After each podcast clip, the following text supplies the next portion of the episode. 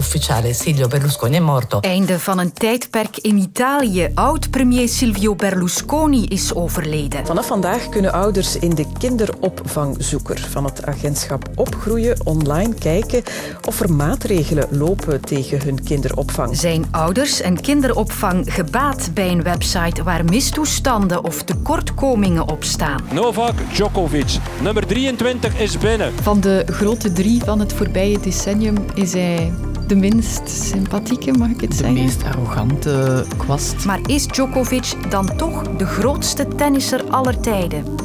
Ik ben Sophie van der Donkt en ik zoek het uit in de podcast Het Kwartier.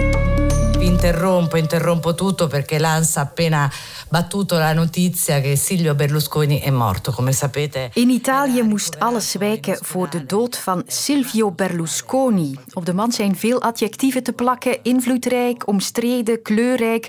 Of zoals de Nederlandse premier Rutte het wat omvloest zei op Twitter: Italië verliest een karaktervol mens. Er valt veel te vertellen over de overleden oud-premier. En laten we beginnen met een samenvatting in één minuut door Mieke Strings. De steenrijke mediamagnaat Silvio Berlusconi kondigde begin jaren 90 aan dat hij in de politiek stapte. Ho scelto di scendere in campo. De grote Italiaanse politieke partijen waren toen na een enorm corruptieschandaal ineengeklapt. De populistische Berlusconi werd al snel heel populair. Hij bracht meer stabiliteit in de politiek en domineerde die twintig jaar lang. Maar hij was ook zeer omstreden om zijn vaak beschamende uitspraken, zoals toen hij de Amerikaanse president Obama een mooi gebruinde man noemde. Un abbronzato Barack Obama. Om zijn voorliefde voor vrouwelijk schoon ook en de zogenaamde Boonga Boonga seksfeestjes ook met minderjarige meisjes. Berlusconi deed het alvast onschuldig. Meglio essere appassionati delle belle ragazze che gay. Beter een zwak voor mooie jonge vrouwen dan homo zijn, zei hij. Maar het schandaal leverde hem verschillende rechtszaken op, ook omdat hij zijn macht misbruikt zou hebben om het toe te dekken. In 2011 moest hij uiteindelijk aftreden. Op straat in Rome joelde en juichte het volk. Dag Mieke. Dag Sophie. Je hebt het al in een notendop verteld, maar laten we nog eens ingaan op eh, de verschillende gezichten, soms letterlijk, van Silvio Berlusconi. Ten eerste, het is begonnen als zakenman. Ja, inderdaad. Hij is eigenlijk begonnen als zanger op cruiseschepen, maar is al snel in zaken gegaan. Heeft eerst een groot bouwimperium uitgebouwd, maar al snel ook een media-imperium. En dat was heel belangrijk, want hij heeft daar ook alles in geprobeerd om dat imperium te beschermen. Heeft daarom eigenlijk, voor hij zelf in de politiek stapte, ook al verschillende politieke partijen gesteund. En dan vooral de Italiaanse socialisten, die toch een grote partij waren in Italië voor de jaren negentig. Maar die socialistische partij is net als een aantal andere grote Italiaanse partijen volledig in elkaar geklapt door grote corruptieschandalen begin jaren negentig. En dan ja, had Berlusconi eigenlijk geen uh, politieke bescherming meer. En dan is hij gewoon zelf in de politiek gestapt om voor zijn bedrijven te zorgen. Dus we gaan naadloos over van die mediacarrière, die zakencarrière, naar dan zijn politieke carrière. Hoe moeten we die evalueren? Wel, hij was natuurlijk een liberaal. In de eerste plaats ook wel anticommunist, zo omschreef hij zichzelf. Ja, hij heeft in elk geval het grote verwijt gekregen zijn hele carrière lang dat hij vooral voor zichzelf en voor zijn eigen bedrijven heeft gezorgd. En dat klopt ook wel. Al is het niet alleen dat wat hij gedaan heeft natuurlijk. Hij was ook zeer populair, omdat hij ook wel zorgde voor de Italianen. Heel veel Italianen hebben kleine bedrijfjes en kleine zelfstandigen. Dus door voor zichzelf te zorgen en voor zijn eigen bedrijven heeft hij ook wel gezorgd voor die bedrijfjes. Maar dus hij heeft voor zichzelf gezorgd in die zin dat hij wetten heeft geschreven op maat van zijn bedrijven, op maat van zichzelf. Ook toen hij vervolgd werd, heeft hij ervoor gezorgd dat die vervolgingen verdwenen door allerlei wetten te stemmen. Dus hij heeft zeker en vast voor zichzelf gezorgd. En dat is hem heel lang en heel vaak verweten. En dat is ook een constante van zijn politiek geweest, absoluut. Dan is er de markante figuur Berlusconi natuurlijk, berucht van de seksfeestjes, genante uitspraken. Ja, hoe hij eruit zag ook, hè, de plastische chirurgie. Hij leek een karikatuur van zichzelf te worden. Wie was die man nu eigenlijk? Ik denk dat de meeste mensen hem zich zo zullen herinneren als een beetje een schertsfiguur. Maar ik denk dat dat ook wel een beetje een verkeerd beeld is van Berlusconi. Ik denk, Berlusconi is eigenlijk Trump avant la lettre. Twintig jaar voor Trump zelf op het toneel verscheen in de politiek in Amerika, deed Berlusconi eigenlijk precies hetzelfde in Italië. Hij heeft het populisme in Europa groot gemaakt. De uiterst rechtse partijen die nu aan de macht zijn in Italië, heeft hij ook groot, mee groot gemaakt. Dus ik denk dat die figuur, die schertsfiguur die veel mensen kennen, dat dat een beetje een verkeerd beeld schept van Berlusconi. Natuurlijk was hij het ook wel. Dat bracht hem ook meer populariteit. De Italianen zagen hem zo ook wel als een van hen. Iemand die gewoon de dingen eruit flapte, die allerlei soms beschamende uitspraken deed, die een gezonde Italiaanse man was die graag aan seks deed. Hè. Dus dat zijn dingen die, die absoluut meer populariteit eigenlijk brachten in Italië. Ook al heeft het hem in het buitenland vooral, denk ik, en ook bij eerder linkse Italianen, een imago gecreëerd als, als een soort schertsfiguur, als iemand die overdreef, die beschamend was bijna voor Italië, die een beschamend imago van Italië creëerde. Bedankt voor dat portret, Mieke String. Silvio Berlusconi, gestorven op zijn 86ste.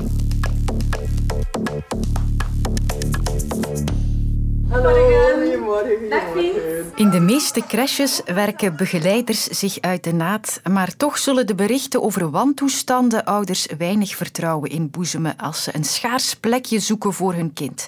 Maar vandaag kunnen ze daarvoor de uitgebreide kinderopvangzoeker gebruiken. En het woord zegt het natuurlijk zelf. Het is een tool die bedoeld is voor mensen die op zoek zijn naar kinderopvang. Daar vinden zij alle praktische informatie. Maar dus sedert vandaag is het ook zo dat we die uh, kinderopvangzoeker uitgebreid hebben. En kunnen ouders nu ook zicht krijgen op mogelijke maatregelen die in het verleden ten aanzien van de kinderopvang zijn geformuleerd. Dit is Bruno van Opbergen, directeur bij het agentschap Opgroeien, bevoegd voor onze kinderdagverblijven. De extra informatie werd toegevoegd als een antwoord op de crisis in de sector. Op verschillende plaatsen in Vlaanderen hebben crèches de voorbije dagen tijdelijk hun deuren moeten sluiten na klachten van ouders. Kinderdagverblijf Mippie en Moppie 2. Op deze plek werd een kindje met ducttape vastgeplakt aan zijn slaapzakje. Bij deze onthaalmoeder speelden de feiten zich gisteren af. Het kindje van 11 maanden moest in allerheil naar het ziekenhuis gebracht worden. Het meisje van zes maanden dat een zwaar hersenletsel opliep in een kinderdagverblijf in Mariakerke bij Gent, is overleden. In 2022 zijn er heel wat schandalen naar buiten gekomen uh, vanuit kinderdagverblijven. En dit is Laura Verhagen.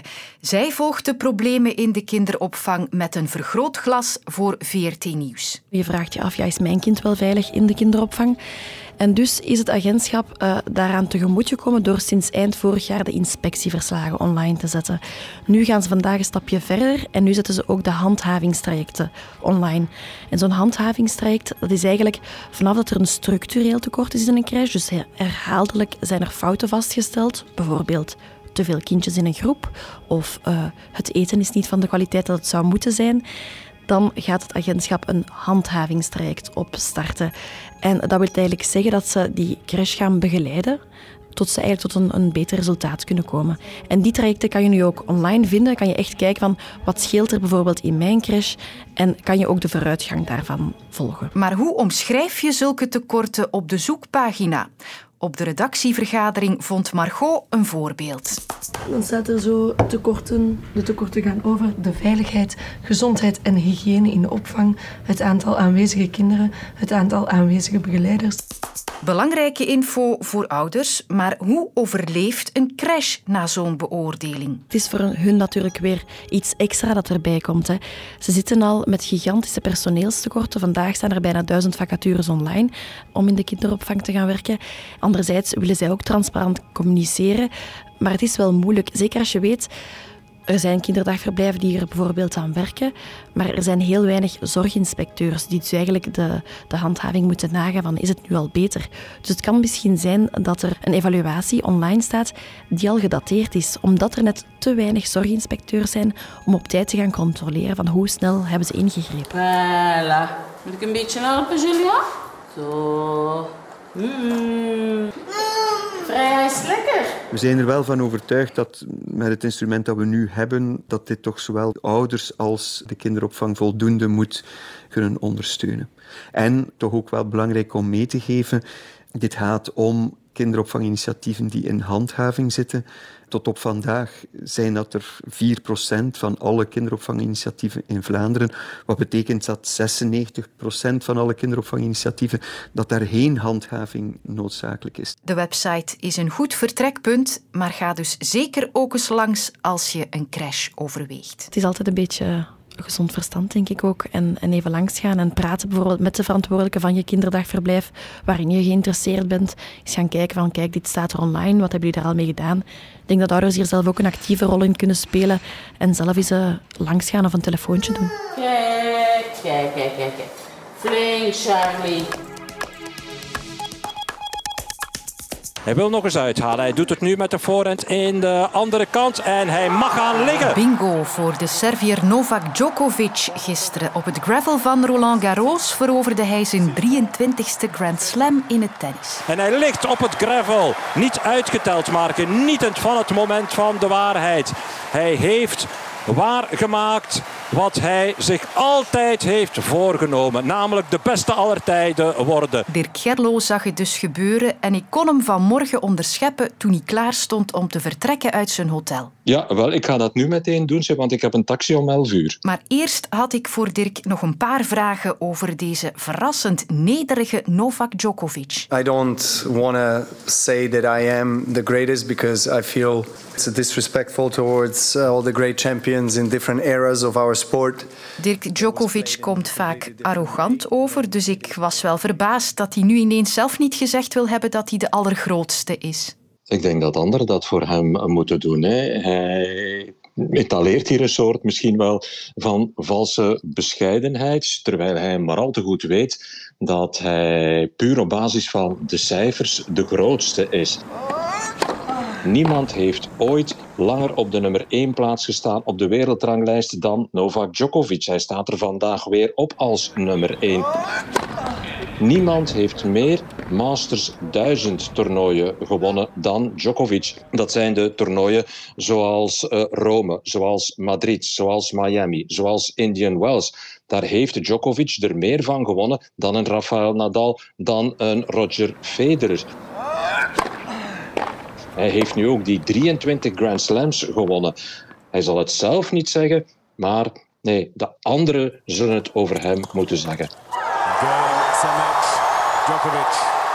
We hebben het over cijfers en statistieken die in zijn voordeel spreken. Persoonlijkheid is een ander ding natuurlijk. Mag ik zeggen dat ik hem zeker niet de sympathiekste vind?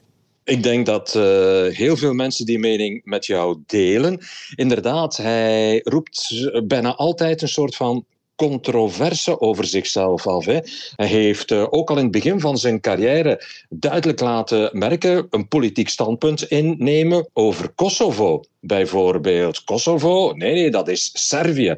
En uh, hij wou dat uh, al meteen duidelijk maken. Hij heeft dat uh, tijdens deze Roland Garros ook nog maar eens gedaan. Writing on a camera lens that Kosovo is the heart of Serbia. Stop the violence. And then saying... I'm aware that you know, a lot of people will disagree, but... You know, drama-free Grand Slam...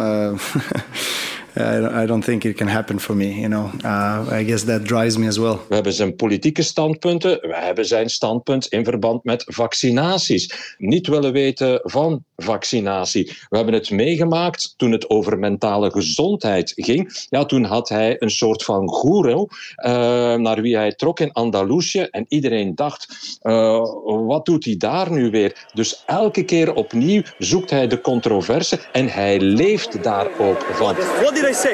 No, not what you said. What, what did I say? Not what you said. What did I say? Why did you give me warning? What?